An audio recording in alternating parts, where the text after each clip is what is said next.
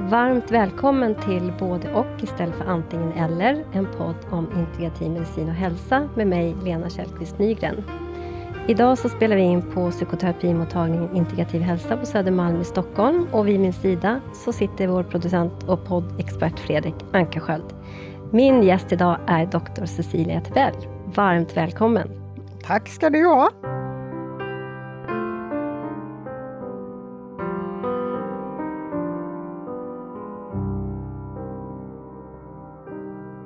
Cecilia, du är legitimerad dubbelspecialiserad inom endokrinologi och invärtesmedicin. Och du har också en fot i det internationella funktionsmedicinska tänket. Ja, det stämmer. Ja. Tidigare så har du jobbat bland annat på Sankt Görans sjukhus och nu verkar du på den integrativ, integrativa kliniken i Stockholm som du driver tillsammans med Fredrik Ölander som är näringsterapeut och soon to be sjuksköterska. Jag hittade dig, för du har medverkat i ett flertal poddar och jag hittade dig i den fantastiska Klimakteriepodden som du har varit, där har du gjort ett, eh, ja, tre stycken ja, avsnitt. Fyra poddar fyra nu avsnitt. faktiskt Mm, är det. Ja. Två kan man säga om stress och, och lite signalsubstanser och hjärna och en podd om sköldkörteln som är ju ganska vanligt problem när man kommer upp i klimakteriet. Och sista nu, som inte var för så länge sedan, handlar faktiskt om våra kan man säga, näringsämnen och kosttillskott och huruvida man ska ta dem eller inte ta dem och så vidare. Mm. De är verkligen väl värda att lyssna på. De är fantastiska, så de finns att hitta på Klimakteriepodden. Kan vi göra lite reklam för den. Mm. Och, eh, men jag tänkte börja med att fråga dig Cecilia, den integrativa kliniken och dess tillblivelse. Hur kommer det sig att du har valt att starta en privatklinik med namnet Den integrativa kliniken? Ja, det är ju en lite lång resa då kan man ju säga på sätt och vis eh, och samtidigt inte. Dels kan man säga är det en personlig resa jag har gjort med mig själv och min vikt. Eh, jag har eh, under många år av mitt vuxna liv haft ganska stort problem med en stor övervikt som jag i två omgångar har tagit hand om. Och man kan väl säga att eh, det första var egentligen före och under min första graviditet, eh, då jag blev väldigt, väldigt stor. Och så gick jag ner alla de kilorna och landade faktiskt med en vikt som var under det jag hade vägt de senaste tio åren då, och som jag, där jag kände att här mår jag bra. Och så höll jag det hyggligt med lite upp och nedgång tills jag fick en fjärde graviditet och då gick jag upp vad jag än gjorde med min hälsa. Och sen så efter det så började jag gå ner och i den resan tror jag att jag gjorde mycket mer medvetna val hur jag skulle leva för att kunna bibehålla eh, mig själv där jag ville vara. Eh, och då fick jag också upp intresset för vad kost, träning, eh, meditation, avslappning och så kan göra för hälsan. Så det är en del i det hela. Och där finns det ju liksom inom fitnessindustrin och sådär, så finns det en del kunnande. Även om det är kanske lite fel fokus, tycker jag, på hälsan, så att säga. Eh, och sen är det ju så att jag har jobbat på, eh, som endokrinolog och eh, under ett antal år jobbade jag på eh, Obesitascentrum på Sankt Görans sjukhus tillsammans med bland annat Joanna Udén som cirkulerar i dagens Aftonbladet faktiskt. Eh, och började intressera mig för det där med övervikt och ganska snart då, där träffade jag egentligen patienter för att göra en bedömning för huruvida de skulle genomgå en gastric bypass eller ej.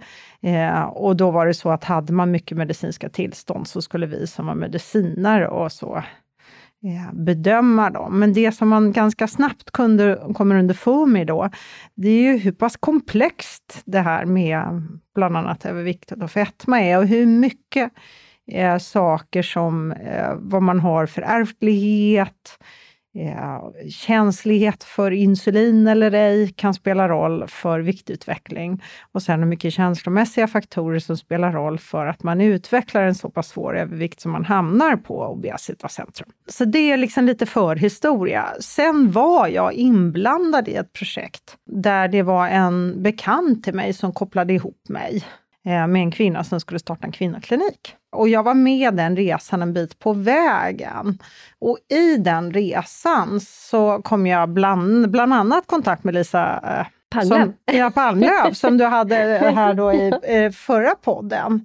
Eh, och, och begreppet funktionsmedicin. Jag klev aldrig på den här kvinnokliniken, men det landade i att jag åkte till Chicago. Eh, och i Chicago så gick jag en kurs som heter Applying Functional Medicine in Clinical Practice.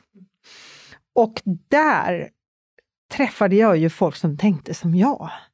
Och det var ju en sån fantastisk upplevelse att träffa människor som tänkte som jag kring hur man skulle möta och tänka runt patienten. Och inte bara det, de presenterade en modell för hur man kunde analysera och jobba med det här. Så det var, tror jag, det var ett vägskäl för mig. När var det här i år? Det här var ju 2017. Mm. Eh, och sen var jag under en period inblandad i en annan klinik som byggdes upp då och började ta framförallt tyroidea-patienter. Därför eh, patienter med hypotyreos kan man ju säga är en ganska klämd grupp i dagens samhälle och ganska styrmoderligt behandlade. Mm. Och, och, och, där kan man väl säga att eh, hypotyreos, jag tror det hade varit män som hade haft hypotyreos, så hade inte sjukvården sett ut så som den gör. Men nu är det huvudsakligen kvinnor. Och därmed, eh, så det är lite som med p-pillerna. Va? Tror ni att män skulle köpt alla biverkningar? Jag tror inte det. Nej, det hade de mm. inte gjort. Nej, utan det är ju en, en, sam, kan man ju, en större samhällsfråga kan man säga. Men så var det och eh, sen har jag ju då parallellt jobbat kvar i sjukvården och så kom covid och jag blev sjuk. Och, så öppnade sig den här möjligheten och det var lite roligt för jag hade ju pratat med just Fredrik och han sa, men om du fick drömma om att öppna en klinik, vad, vad skulle du vilja göra då? Så sa jag, men då skulle jag vilja sitta på Odenplan, sa jag, för den har så bra kommunikationer och helst av allt skulle jag vilja sitta i läkarhuset Odenplan. Eh, för det är ändå så att det är ett, ett namn som folk känner till.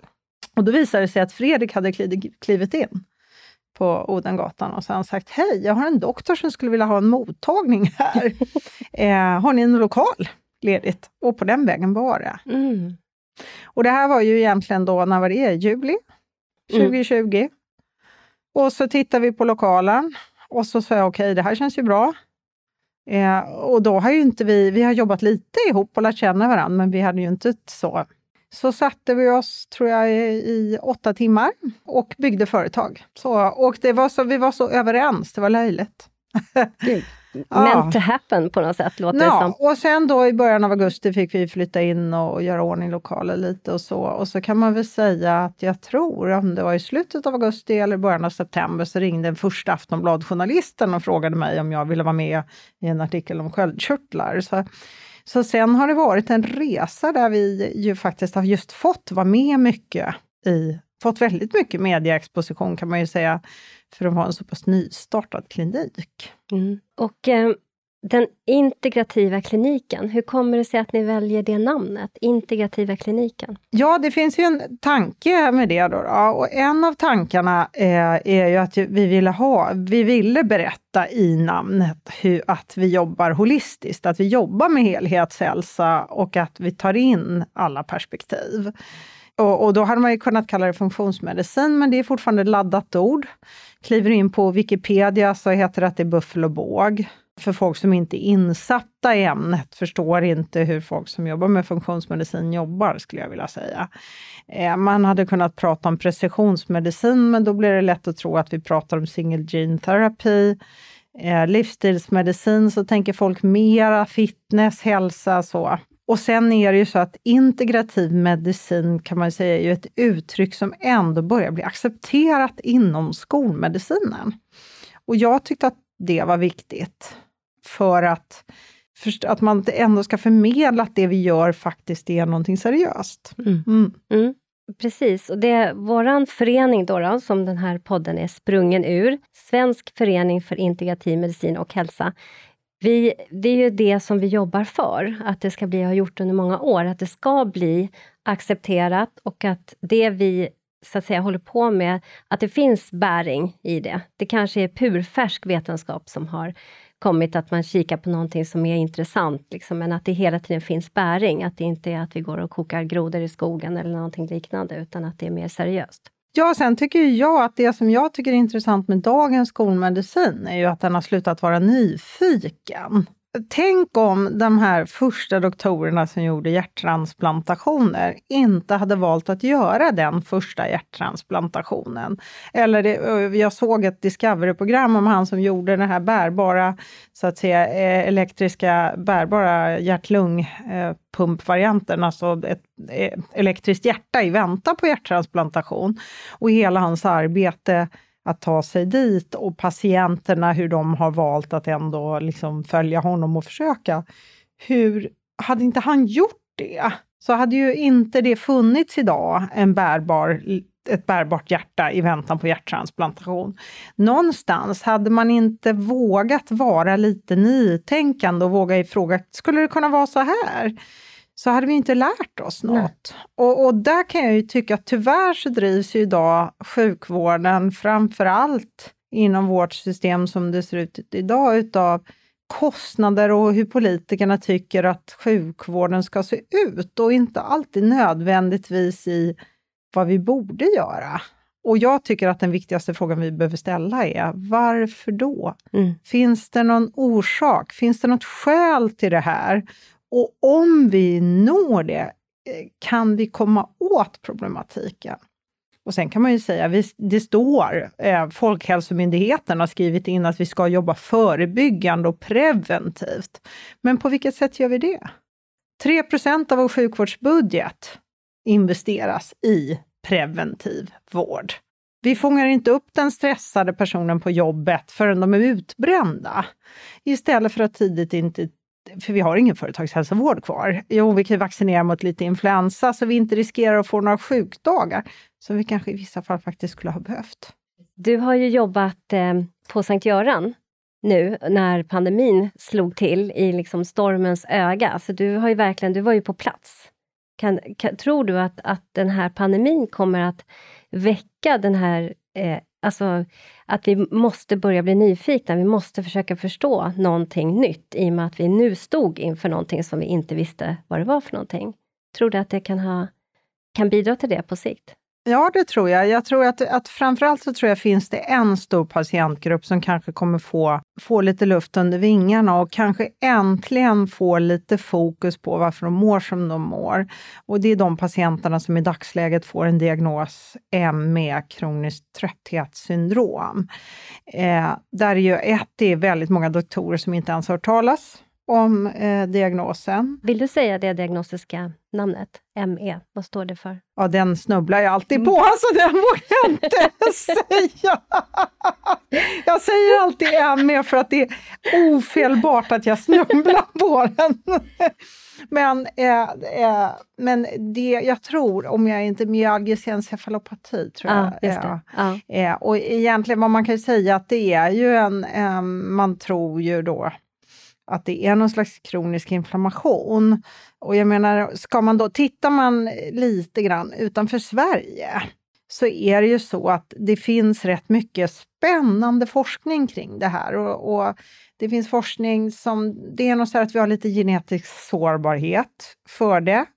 Och där kan man ju säga att där är det ju vi doktorer, vi läser ganska mycket biokemi när vi ska bli doktorer. Sen ska vi glömma bort det, för sen använder vi det inte.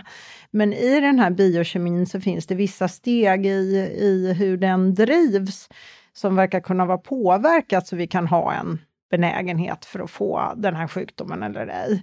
Och det som är väldigt vanligt med just den patientgruppen är att man kanske har haft upprepade antingen utmattnings episoder. Man har gått in i en sån här utbrändhet som vi så slaskigt eh, nämner det då. Eh, en eller två gånger förut och sen så kanske man är på väg dit hen och så får man en infektion och sen blir man liksom aldrig riktigt bra. Och det som har hänt nu med covid är att vi helt plötsligt har en grupp på nästan 10 procent som inte lä riktigt läker ut sin covid. Och det finns väldigt mycket likheter i hur man mår och vad som händer. Och där till det hör att man till exempel får ont i halsen, att man får feber eller åtminstone en temperaturstegring, att man har, får ont i kroppen kroppen, man har muskelvärk, huvudvärk och sen en, beskriver ju väldigt många en svår hjärntrötthet. Och lite kan man säga fluktuerande fokalneurologiska symptom kallar vi det när man till exempel tappar känseln i en fot som man sen får tillbaks eller att man har domningar, stickningar. Så. Och alla de här sakerna verkar, kan man träffa på hos många ME-patienter. Men det här finns också i post-covid-gruppen. Så att, ska man se något positivt eh, eh, med en pandemi så tror jag att vi kanske kommer lära oss mer om det här. Eller det hoppas jag åtminstone.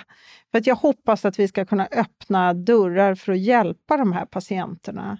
Men då måste vi, alltså ett så måste vi fråga, ställa oss frågan varför då? Och så må, måste vi våga tänka lite nytt. Mm, precis. Och prata med varandra. Vi hade Dr. Jörgen Herlofsson här i mm. podden. Och han, han pratade mycket om att han vill ha de här sokratiska samtalen med kollegor.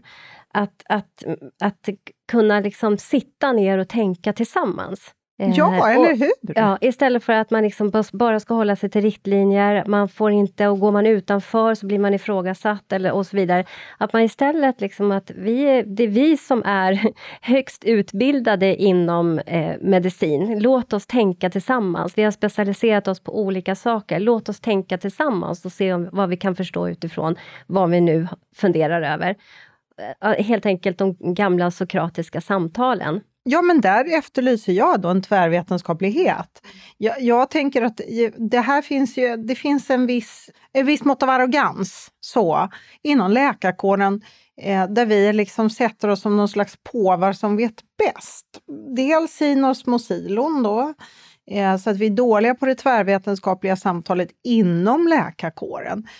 Men det är också så här, istället för att ställa frågan varför då? Om du nu som patient väljer att träffa, säg en näringsmedicinare, och så mår du mycket bättre. Då borde ju min naturliga fråga som doktor vara, undra varför min patient blev så mycket bättre hos Lena näringsmedicinaren än hos mig. Vad var det som hon gjorde som var förlösande? Mm, precis och släppa in den diskussionen. Nej, men istället väljer vi ta akupunktur, som för att ta en sån här praktisk sak. Ak ak när jag eh, utbildade mig till läkare, då var ju det, det fick man inte använda överhuvudtaget. Akupunktur, det var kvacksalveri. Eh, naprapater och kiropraktorer, de hade ingen aning om vad de pratade om. Eh, de kunde ingenting. De hade en lika lång utbildning som vi i princip. Men de visste ingenting. Det här var någonting som man använde sig av i Asien i, alltså hur länge som helst, men de visste ingenting. Sen lyckades man visa att akupunktur på något vis stimulerar våra smärtlindrande system och att man genom den här kan man säga, stimuleringen på en punkt kan påverka smärtupplevelse och annat. Och då blir det helt plötsligt godkänt. Ja, men om ingen hade brytt sig om att ta reda på det så hade vi fortfarande tittat på akupunktur. Och så tittar vi på vår medicinska vetenskap som den på något vis är permanent. Och, är och färdig. Vi har förstått och, allting. Och det ja, har det vi så, verkligen inte gjort. Nej, men det har vi verkligen inte någonstans gjort. Och jag menar under min tid som när jag har utbildat mig till läkare och då födde jag barn under utbildningen så det blev en ganska ut, lång, i tiden utbredd tid. Och under tiden jag har kommit, jobbat som doktor så har ju saker kommit och gått. Ta det här med klimakteriet och hormonbehandling. När jag läste gynekologi, mitt i kursen kom det en studie om bröstcancer. Från en dag till en annan så sa professorn som stod och föreläste ena dagen, alla ska ha HRT. Det är så bra med östrogen för det skyddar kognition, det är bra för hjärt-kärlhälsa, det är bra för vårt immunsystem, det är bra för... Och det är det också. Eh, för att nästa dag säga att eh, ingenting, vi ska, ingen ska ha HRT. Det är jättefarligt att alla får bröstcancer. Det är ju en sån otroligt onyanserad bild. Nu har vi blivit något mer nyanserade i det. Men vad vi fortfarande inte gör i det, det är att ta reda på varför skulle det då i så fall vara så att vissa är associerade med cancer. Vi har till och med kunskap om det om man tittar utomlands. Vi skulle kunna titta på hur vi tar hand om vårt östrogen i kroppen. Asiaterna tittar på mig och så säger de, du har svårt med levern. Du behöver jobba med din lever. Det är baserat på deras sätt att tänka och mönsterigenkänning. Tittar jag på mig själv genetiskt så är det de facto så att jag har ganska svårt att omsätta östrogener och gifter och annat, för jag har genetiskt sårbarheter för just det. Vilket gör att till exempel östrogen bryter jag ner långsammare. Och vad blir effekten av det? Ja, jag samlar fett på mina lår och på mina höfter. För östrogen har hormonella effekter. Men det tittar de, för de utgår ifrån en mönsterigenkänning och deras kunnande. Eh, och jag kan förklara det biokemiskt, men om jag skulle säga till en annan doktor, men det är, hon är östrogendominant, hon har något problem med levern, då skulle de titta på mig som jag var dum i huvudet. Mm. Mm.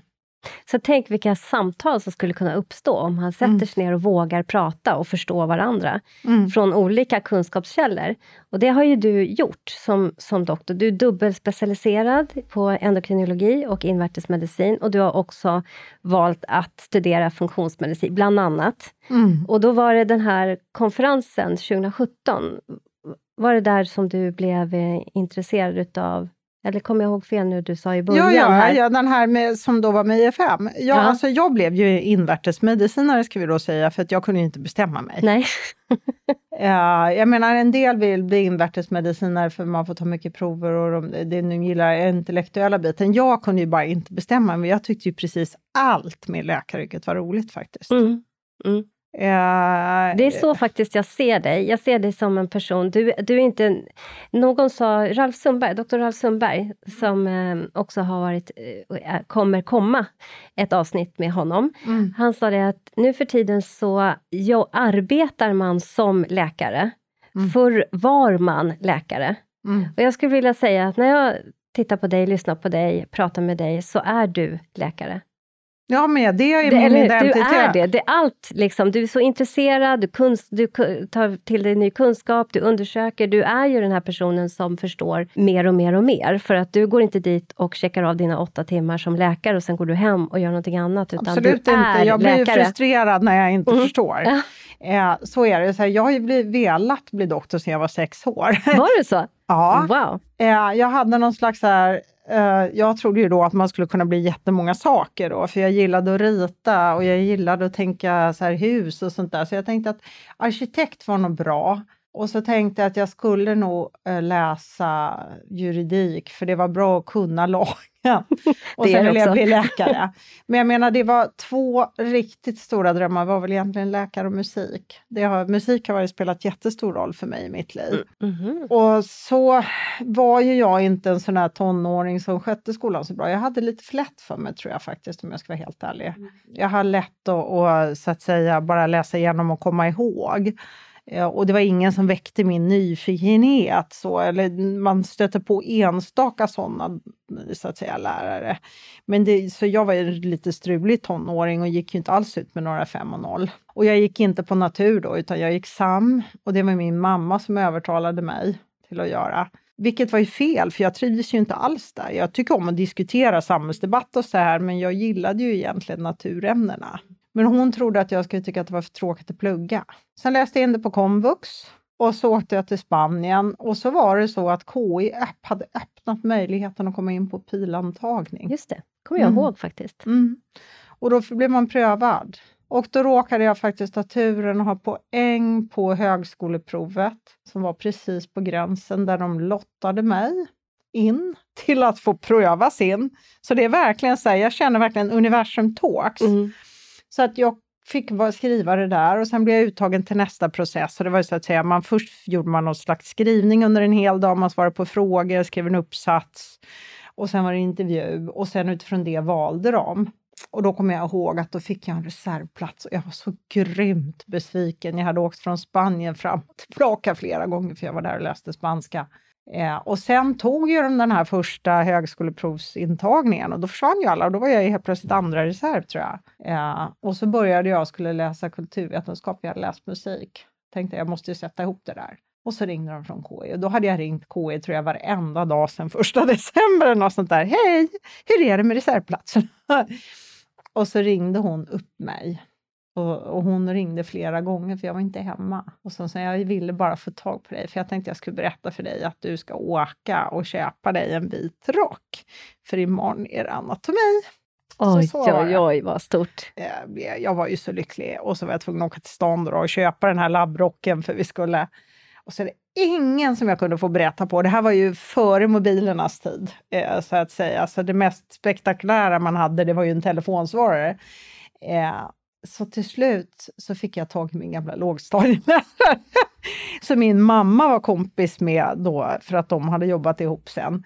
Eh, och liksom, så att jag kunde få berätta för någon att nu hade jag kommit in. Mm. Men vad häftigt att ringa till sin lågstadielärare mm. och berätta att man har kommit in på det som man, alltså ja. läkarlinjen. Det är ju, bara det är ju, alltså att det sitter ihop, tänker ja. jag också, att, det, att få ringa till henne just. Ja, och sen eh, eh, började jag läsa.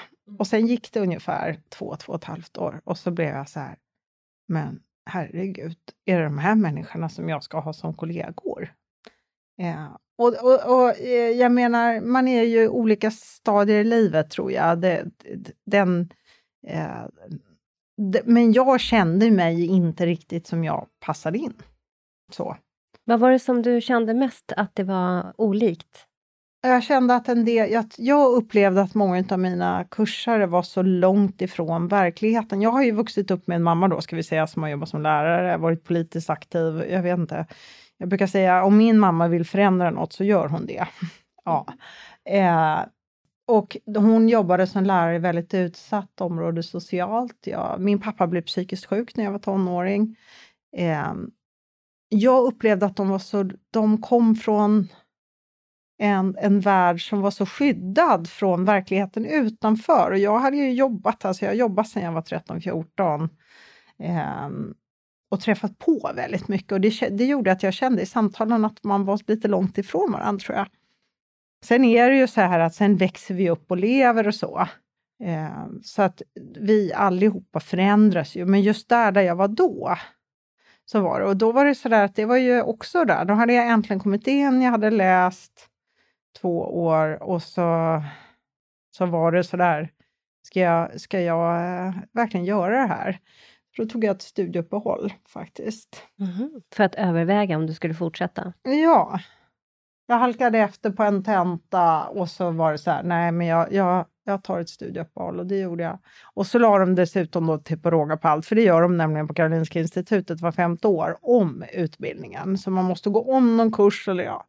Så att det blev ungefär ett år så där som jag var borta.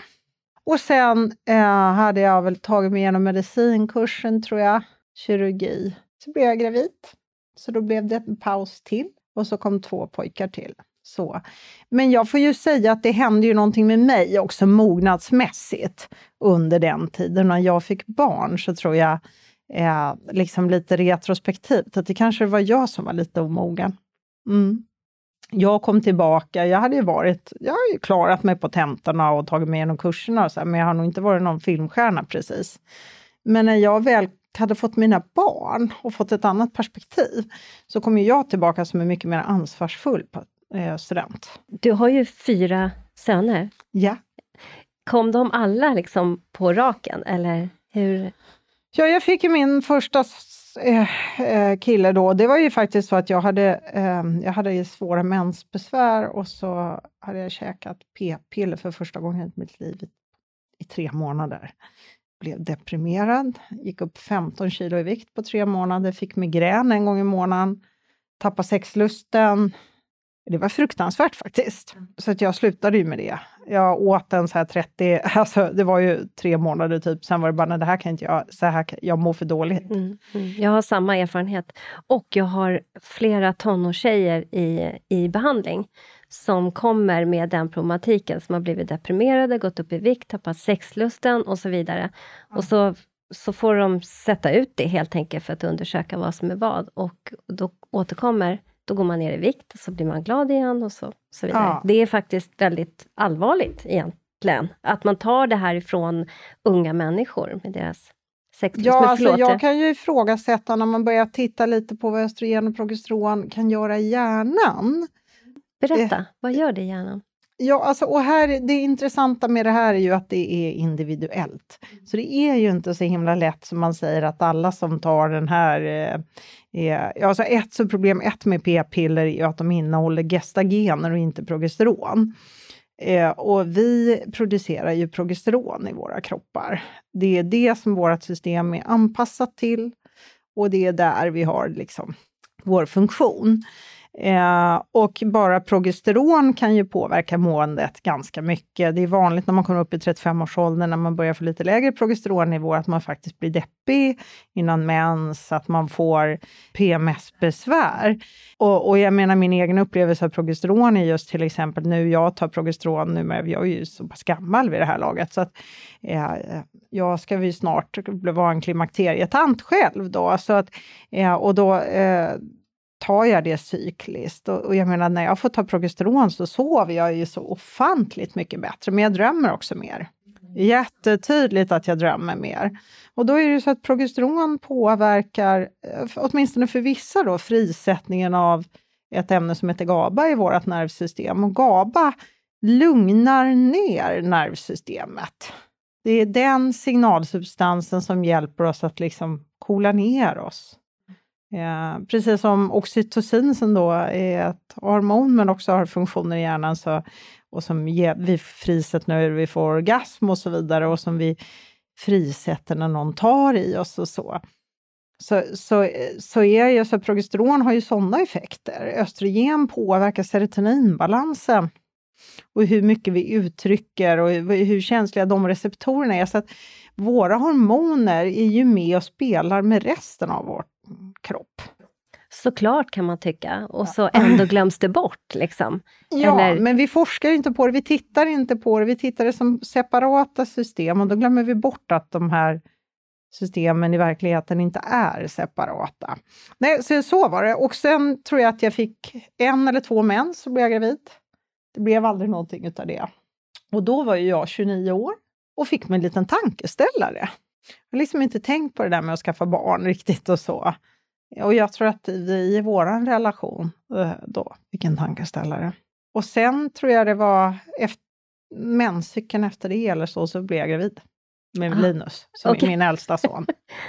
och så kom ju Linus till världen, då läste jag ju fortfarande så att säga, det hade gått kirurg, jag gick termin nio tror jag.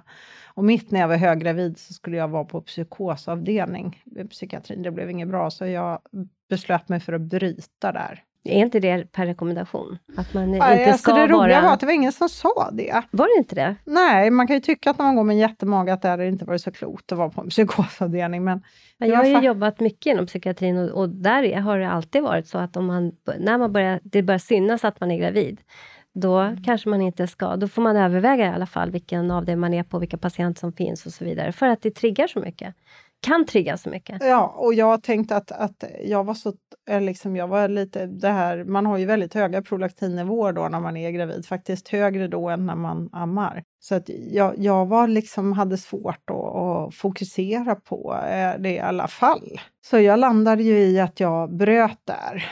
Och sen var jag hemma med honom och sen eh, skulle jag gå tillbaka till att börja plugga, men då blev jag gravid så att säga. Då hade det gått ett år och fyra månader och sånt där, så blev jag gravid med nästa, nästa. barn. Mm. Så där lite oförhappandes, inte så planerat. Ingen av dem var ju planerade.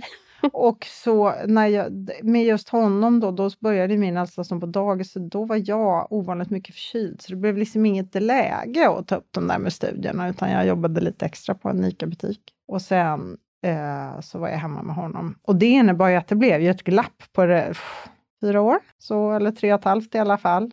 Och då gjorde jag så att jag ansökte om att få gå om de kurserna som jag redan hade tagit under den där termin nio när jag var gravid. För jag kände att jag, eh, jag kände att jag hade inte tillgodogjort mig dem på något bra sätt. Vad ansvarsfullt, ja. tycker jag. Verkligen. Så, så uh, gick jag de utbildningarna och det var ju ganska bra sätt att komma tillbaka efter så lång tid också, för jag gled in med ett visst kunnande. Och sen kan man väl säga att sen mina sista två år på läkarutbildningen så var jag alltid topp 10 på alla tentor och sådär. Det blev sån eh, för att jag, eh, för mig tror jag barn blev att jag blev en mycket mer ansvarsfull person. Alltså jag kände mer att det var mitt ansvar jag tror att jag lite hade sådär som unga människor ibland gör. Man förväntar sig att livet ska bli serverat för en. Men då insåg jag att ska den här utbildningen få ett värde för mig så är det jag som måste ta ansvar för den. Med dessa små liv som du säkerligen mm. älskar mest över alla så tänker jag att, att ditt genuina intresse för läkeri också blir ju ännu mer intressant när man har några växande människor, individer som... Alltså, nu utgår jag från mig själv och min, mitt eget intresse, men att för mig så har mina barn verkligen stimulerat det också. Att jag vill förstå. Ja, men man är väl aldrig först när man får barn? Man är väl aldrig så nära livet och döden som när man föder barn? Det här att det kommer ut en liten levande varelse som liksom från sekund ett har en personlighet. Ja, bara det. Eh, och jag menar, eh, för mig har det varit så uppenbart att de är redan sin individ och sin personlighet, den har de. Den föds de med. Och sen vad jag som förälder gör med det så kan jag göda eller föda vissa sidor och, och jag kan även hemma då kanske, kanske vissa sidor med hur, hur jag är som förälder. Men de har en personlighet. Och liksom, så det är så otroligt häftigt. Och jag tror, tänkte ju då först att jag skulle bli barnläkare, men sen insåg jag att jag skulle nog aldrig kunna stänga dörren till jobbet någonsin då, tror jag. Man skaffar inte fyra barn för att man inte tycker väldigt mycket och är intresserad av barn, om man säger så. Nej, och sen var det ju så att när jag då uh, var klar så hade jag jobbat på geriatrik i en sommar, jobbat mycket med äldre. Och, och, där blev det också, för när jag gick min internmedicinkurs så kan jag säga att jag tyckte den var ganska sömnig då när jag var eh, innan mina barn. Men när jag gick geriatriken, då, då, var liksom, då fick allting jag tror att när jag började jobba som doktor så fick mina studier ett sammanhang och det var först i slutet av läkarutbildningen som mitt pussel var klart. Jag, aldrig varit, jag var liksom inte bra på att lära mig utan till namn.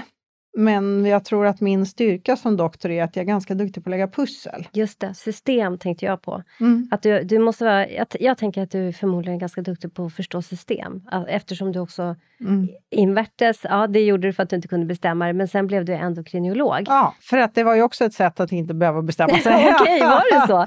ja, men Endokrin... hormoner påverkar ju alla system. Så att ah, ja, ja, för att vara en det, duktig endokrinolog så mm. måste du mm. hålla kontakt. Alltså, men för att vara en duktig invärtesmedicinare så måste du kunna en del om psykiatri, du måste kunna en del om kirurgi, ortopedi, alltså alla andra specialiteter. Och som, om du ska hålla på med hormoner på det sättet som jag jobbar, så det är klart, man kan ju besluta sig för att allt jag ska hålla på med är bisköldkörteln och så är det det jag fokuserar på, allting som har runt det att göra. Men jag vill ju bli endokrinolog för att hormoner precis då delvis som signalsubstanser i nervsystemet, är med och styr alla andra system och påverkar alla andra system. Så för att bli en duktig diabetesdoktor till exempel, så behöver du kunna en del om hjärt-kärlhälsa, du behöver kunna en del njurmedicin, du behöver kunna om riskfaktorer, du behöver kunna om, om, om mage, tarm, lever och så vidare. Så det har ju varit ett sätt för mig att bibehålla den här liksom generalisten. Och att vara husläkare för mig, det blev liksom, så fort det blev skojigt så skulle man lämna bort det.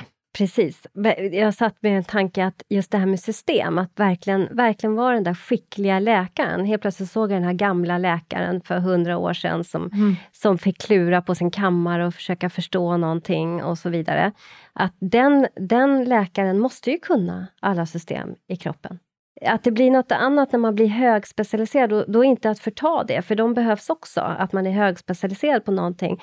Men det är ju de, det är verkligen att, att sätta sig in i en komplexitet som är beundransvärd att, sätt, att, att du sätter in i. Ja, men jag tänker att de duktigaste högspecialiserade doktorerna, det är ju de som först har byggt en väldigt bra bas. Man stöter ju på i livet på en del riktigt duktiga eh, människor och, och det finns en eh, kollega till mig som heter Kerstin Brismar som har här ägnat hela sitt liv åt att ställa frågan varför då? Och har gjort så mycket arbete för diabetespatienter och deras vård. Eh, och hon är så påläst och nyfiken och så öppen för att ifrågasätta sitt eget kunnande. Så att jag har sällan träffat någon som har så mycket kompetens. Och just att hon vågar dessutom öppna fönstret för saker som folk tycker är inom doktorsvärlden provocerande och titta på det. Tycker jag ju. Det, Vad är det som hon har öppnat dörren för? Som jag är nej, men hon är ju liksom, eh, om man då pratar om funktionsmedicin så har ju hon redan jobbat så jättelänge. så, för att hon är så nyfiken. Jag vill förstå varför den här personen mår dåligt. Och då har hon ju också ett, ett väldigt, väldigt brett endokrint kunnande som få, mm. skulle jag säga. Mm. endokrinologer har. Men den här rädslan för att inte, vi var inne på det tidigare i samtalet, den här rädslan för att inte ställa frågan vad var det som gjorde att Lena när hon gick till näringsterapeuten blev bättre? Jag, jag har en egen sån upplevelse. Min dotter fick eh, blastocystisk homonis, ja. en parasit, när vi var i Brasilien. Mm. Och, eh, och hon, eh, hon var bara fyra år när hon fick det. Och den upptäcktes då, ja men hon hade diarréer och det var problematiskt i alla fall när vi kom hem därifrån. Mm. Och, och då had, har jag alltid haft en fot i alternativmedicinen kan man väl säga, ett mm. intresse mm. för det. Så jag gick hos en vanlig doktor med henne och han föreslog att hon skulle ha en antibiotikakur. Mm. Och jag sa att ja, men jag vill testa lite andra saker, för jag fick lite impulser från andra vänner att man kunde fundera på XYZ. Och då tänkte jag, får jag göra det? Får jag, får jag undersöka det här och, så, och komma tillbaka? Ja, absolut, sa han. Du, två månader så kan du komma tillbaka. Och sen var det ju också så att då, när det här hände, så var det inte så stor... Eh, man hade 50% chans att bli bra från den här parasiten med antibiotikakur. Så att det var liksom, och den skadar inte så mycket. Och det, var, det är inte så mycket forskning som är gjord på den, bara för att den är... Man, då Eller vi tror här, inte att den skadar så mycket. Exakt. För jag pratade ju med någon eh, på Smittskyddsinstitutet där, för att jag tog reda, försöker, jag jobbar också så, jag tar reda på allt kring det här. Och då så sa den här personen som forskade att eh, vi får ju inte så mycket medel till det här heller, och vi vet inte egentligen. Den kanske visst gör. Inom alternativa mediciner så sa man att ja, men den där ger liksom, eh, symptom på leder och andra värkleder och så, om man har det för länge. Det är våran, upple- det är våran erfarenhet. Men, men okej. Okay. Och då så fick jag lite olika tips och råd. Jag kunde ge henne Ja, jag skulle ge henne mycket mer mineraler och vitaminer och sen så, så var det örter som jag skulle pröva. Och då ja, tänkte jag det, så här, pratade med min man, vi pratade ihop oss, vi testade det själva för att få en upplevelse. Så tänkte jag sen, men vi testar det här, vi ger henne det här. Och så gjorde vi det. Och jag hade henne hemma och jag är ändå sjuksköterska i botten, så att jag tänkte att jag har koll på henne. Och det hade jag. Och hon hade liksom en ut, efter några dagar på de här örterna så rensade det ut ordentligt. Jag tänkte att jo, ursäkta, man får inte svära på det, men jag tror att det kanske händer någonting nu. Men vi får se. Efter den där kuren så lämnade jag nya fecesprover på henne till den här mm. doktorn och han tittade på det och sa att jag kan inte se ett spår utav den här parasiten. Och då var det så att han hade sagt till mig tidigare så här, bara så du vet så är den här parasiten jättesvårbehandlad. Jag har en patient som har haft det här länge, vi har gjort allt, får inte bort det. Bara så att du vet det, det är så här, man kanske får lära sig leva med det här. Så han skrev i alla fall brevet, nej men det finns ingenting kvar, vi kan inte se ett endaste spår av att hon ens har haft en infektion och, och um, tack. Men han, och han visste ju att jag hade gjort andra saker som han var väldigt förfärad över, ska jag säga. Han var inte alls med på att jag skulle göra de här sakerna när jag pratade med honom om det. Men han ställde aldrig frågan till mig, vad var det som du jag gjorde? Jag ska säga det. Aldrig! Och jag tänkte så här, här har han haft en patient som har gått med den parasiten jättelänge. Jag hade ju frågat, frågat vad ja. var det du gjorde och sen hade ju jag utifrån vad du hade berättat för mig, för då antar jag det finns ju vissa örter som man kan jobba med som dels eh, så att säga faktiskt har antibakteriella egenskaper. Jag menar, vi kan prata om enkla saker som vitlök. Ja. Vi mm. vet ju att det har effekter på bakterier och virusar eh, så, så att det hämmar tillväxt. Mm varför kan vi inte erkänna det? Alltså jag hade ju frågat dig, vad var det du har tagit? Sen hade jag ju gått hem och läst på. Mm. Och så hade jag liksom försökt att ta reda på, okej, okay, antagligen utifrån när jag var mera skolmedicin så hade jag kanske tittat på, okej, okay, finns det några läkemedel som har liknande effekter? Men då är jag ju också så här som du då som jobbar i psykiatrin, att när det dyker upp ny, för mig nya mediciner inom psykiatrin, och just när jag jobbar på Sankt Göran så har jag då stött på ganska många olika sådana patienter, för vi bor, man bor granne med Stockholms enda riktiga psykiatriakut. Det betyder att man träffar mycket psykpatienter. Eh, så slår jag alltid upp. Vad gör den här medicinen? På vilket sätt påverkar den systemen? Och vad har den för typ av biverkningar och vad kan tänkas hända? Så att för mig så är det en nyfikenhet. Vi, alltså vi doktorer lever i någon slags illusion att vi är frikopplade från den här örtmedicinen, fast alla våra läkemedel egentligen springer ur örter. Ja, och jag brukar ta som exempel att jag tror att de flesta doktorer lever i illusionen att tramadol mm, är en substans som eh, vi har hittat på i ett laboratorium. Det är det lika lite som morfin. Ja, nej, för tramadol finns nämligen en afrikansk buske som afrikanerna använt traditionellt, då medicinmännen, för att lindra smärta och för att det har även andra så att säga, egenskaper. Mm. Nej, men det är jättemånga av våra läkemedel idag. Det mm. finns ju en väldigt bra utbildning på KI om naturläkemedel, mm. där man också går igenom de, de liksom var, bland många av våra vanligaste läkemedel som ändå fortfarande vi använder växter och tillverkar, där tramadol är ett, morfin är ett annat och så mm. vidare. Det är väldigt, väldigt intressant, därför att den sociala konstruktionen av farmakologiska behandlingar idag är ju att det är praktiken är kemiska oftast kemiskt framställda och att det är mycket bättre. Ja, men sen kan man ju då ta en sånt exempel som opiumvalmum, om man nu pratar om det då, så innehåller ju opiumvalmum kodein, morfin och papaverin. Och det har använts traditionellt för att stoppa diarréer och som smärtlindring.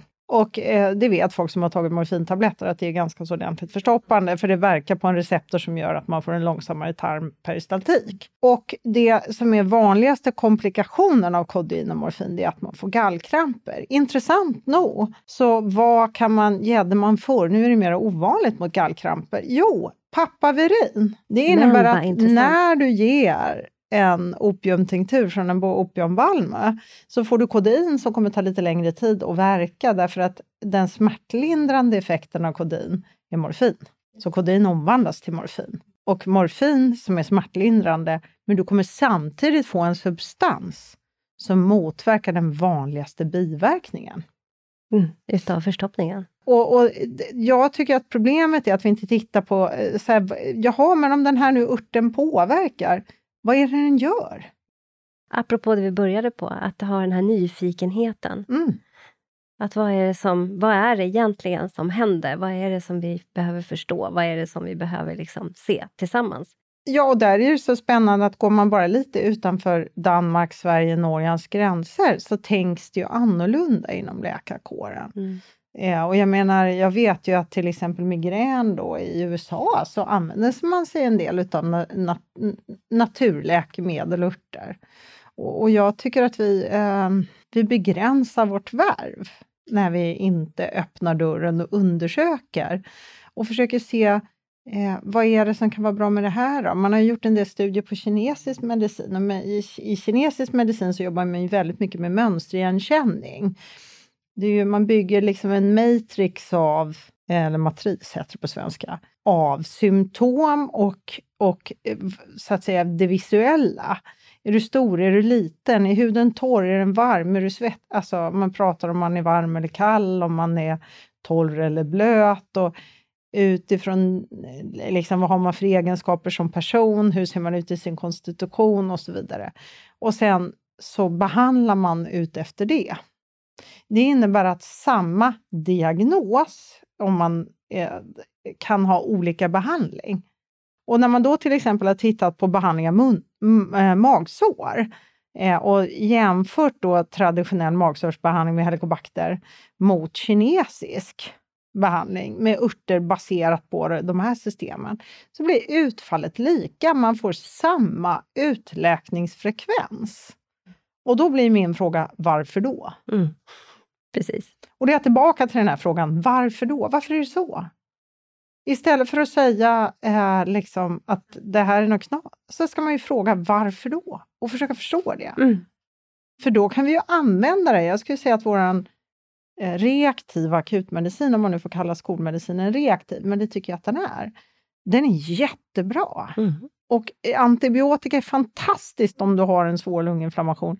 Det finns en massa läkemedel som räddar liv Verkligen. dagligen. Mm. Men vi är sjukt dåliga på att behandla kroniska sjukdomar. Det är precis det. Vi har en fantastisk akutvård, vi har en fantastisk intensivvård. Men det kroniska och komplexa, där är vi inte, uppnår vi inte samma höjd, helt enkelt. Nej, men det finns ju sorgliga exempel. Jag, eh, som endokrinolog så får man ibland utreda eh, patienter som dyker upp som till exempel har fått en ensidig bröstförstoring. Det kallas då gynekomasti när man får stora bröst. Och för den som har sett hur bodybuilders ser ut efter ett tag när de har pumpat lite anabola steroider så är det ganska vanligt att man får tuttar. Men har man en ensidig sån och en man, då ska man utredas, man ska utesluta att det är bröstcancer, men sen måste man utesluta hormonella sjukdomar och så vidare. Och då fick jag en ung man på 30 år till min mottagning eh, när jag var på Sankt Göran då, satt på endokrinmottagningen, som hade drabbats av det här. Och när jag börjar prata med honom så, så inser man ju att det här är ju sjukvården som har ställt till. Ja. Mm -hmm. Och då är det så att den här killen har kommit till Stockholm som 25-åring. Han är uppvuxen utan någon som har satt en endaste gräns för honom. Han har haft föräldrar som aldrig har sagt till honom när han ska gå och lägga sig, som inte har haft några middagstider. Alltså det har varit rörigt. Han har inte riktigt skött sin skola för att om han försov sig så är det ingen som har väckt honom. Alltså han har inte fått någon struktur, inga verktyg för att hålla en struktur. Men det här har varit en pigg och liksom kreativ kille som då har intresserat sig för träning och hittat sig i träningen och börjat träna mycket, börjat intressera sig för fitness, börjat jobba med gymprodukter, börjat bygga företag och så småningom har han liksom tre, fyra företag som rullar. Inser att det går så pass bra så han flyttar till Stockholm med sin flickvän. I Stockholm eh, så blir det väldigt mycket jobb. Det blir 200 till 250 timmar i månaden som han jobbar, vilket naturligtvis inte är bra för någon relation, för då träffas man aldrig, så att hans relation kna, eh, knakar. Och efter då ha sovit sådär en fyra timmar per natt för att hinna med sitt jobb under en halvårs årsperiod, så vaknar han en dag och kan inte kliva ur sängen. Och då kommer han i kontakt med psykiatrin. På ett NAF så har han en ADHD-diagnos och där börjar problemen skulle jag vilja säga. Mm. De börjar med att sätta in en långverkande centralstimulantia. Det får han ångest och sömnsvårigheter av. Och istället för att då ifrågasätta diagnos och behandling, eller åtminstone behandling, så sätter man honom på ett allt mer kortverkande centralstimulantia. Och då, då vet ju både du och jag att, att de Ritalin, Concerta och alltihopa vad det är, det är depåamfetamin för att tala klarspråk eh, som har en, släpps ut i systemet olika snabbt. Till slut har han licensierat amfetamin. För att det ska ha så kort verkningstid som möjligt. På det har han fått eh, Stilnoctoimovan, han har fått lugnande eh, bensodiazepiner, det är alltså valiumliknande substanser. Och eftersom det inte har haft tillräckligt effekt har man då satt honom på neuroleptika. Och när man får neuroleptika så åker prolaktin upp. Och när man får förhöjt prolaktin kan man få en bröstförstoring. Och det är inte bara det, utan från det att han kommer i kontakt med psykiatrin, så inom ett halvår så har han gjort sitt första allvarliga suicidförsök. Och när jag läser hans journal om hur han beskriver från att han får ökad ångest och för varje grej de gör så blir han mera paranoid och mer och mer ångest mer och mer självmordstankar och blir mer och mer nedstämd. Det här, det här beskrivs ju från allt fler läkare och har ju varit en del eh, debattartiklar mm. också nu i, i olika tidningar där man just pratar om den här polyfarmakologin, eller polyfarmakologin, som, ja. som, man utsätter människor för inom eh, psykiatrin, där man liksom adderar diagnos och sen adderar man behandling och så, så håller man på så här med någon människa som blir liksom sämre och sämre och ingen stoppar. Och sen ska han ju sluta! Det, precis, med amfetamin, ja. som man har gjort honom beroende av. Ah. Alltså du vet, jag läste den här journalen, jag blev nog så djävulusiskt arg. Mm. För det här, vi, alltså att man inte ens då istället för att backa ett steg och säga vad är det som är fel här? Alltså för det är klart, om jag tar en liten dos amfetamin så blir jag lite piggare, lite effektivare, lite mer koncentrerad, kanske känner ett lite snabbt lyckorus.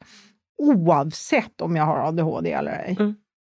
Men om jag inte har ADHD så kommer jag också få ångest, sömnsvårigheter, kunna få förföljelsetankar och massa negativa effekter. Därför att den här medicinen påverkar ju det systemet också. Ja. Men vad hände med den här killen? Vad, vad ja, alltså jag sa ju till honom, så säger jag, jag är hemskt ledsen, så jag, men jag, jag blir så arg när jag läser det. Han sa, jag tycker att det är någonting som är fel. Ja, men det tycker jag med, sa jag. Du kan ju inte ha de här medicinerna, så jag. det här är inte rimligt. Så jag. Vi måste ju se till att du får hjälp att sluta. För att han hade ju inget endokrint problem och inte hade han någon bröstcancer heller. Han var felmedicinerad. Eh, och, och, jag menar istället för att man hade gjort vad ni antagligen hade gjort här på integrativ hälsa, det vill säga pratat med honom, sett vad, fanns det saker som vi skulle kunna jobba med? Och även om man hade en ADHD, måste man stoppa in medicin eller finns det andra saker man kan göra först? Precis. Och hur är det med stressen och symptom som är exakt lika för svår stress och ADHD och var, var börjar vi någonstans? Ja, men, så här, han har inga verktyg. Ge honom verktyg kanske. Hjälpa honom att skaffa verktyg. Att begränsa och att acceptera att om man har jobbat 250 timmar i tre, fyra år ja. så tar energin slut. Ja. Gränser och sömnhygien och förståelse ja. för relationer både till sig själv och till andra. och så. Det finns ju hur mycket som helst att jobba med som hade gett en fördjupning och en utveckling i livet snarare än vad det blev i det här fallet. Men hur blev det för honom sen? Ni började plocka bort, eller kan jag tänka mig? Ja, alltså grejen var ju att, att jag skrev ju ett väldigt argt remissvar, kan man väl då säga, där jag ifrågasatte och jag pratade med en äldre psykiatriker som reagerade ungefär som jag då kan man säga. Han sa ja, så sa han, nu ska jag inte kritisera min egen specialitet, men jag tycker att de här ADHD-diagnosen slänger man sig lite för mycket till höger och vänster med, sa han. Eh, det här låter ju som en kille som inte har fått lära sig att sätta gränser, vare sig på sig själv eller andra. Det här samtalet blev ett väldigt långt samtal eftersom det var så otroligt intressant och både jag och Cecilia är väldigt duktiga på att prata och hittade spännande, intressanta områden och ämnen viktiga att lyfta, särskilt i de här tiderna. Är du intresserad av att lyssna på del två så kommer det sändas om två veckor. Varmt välkommen!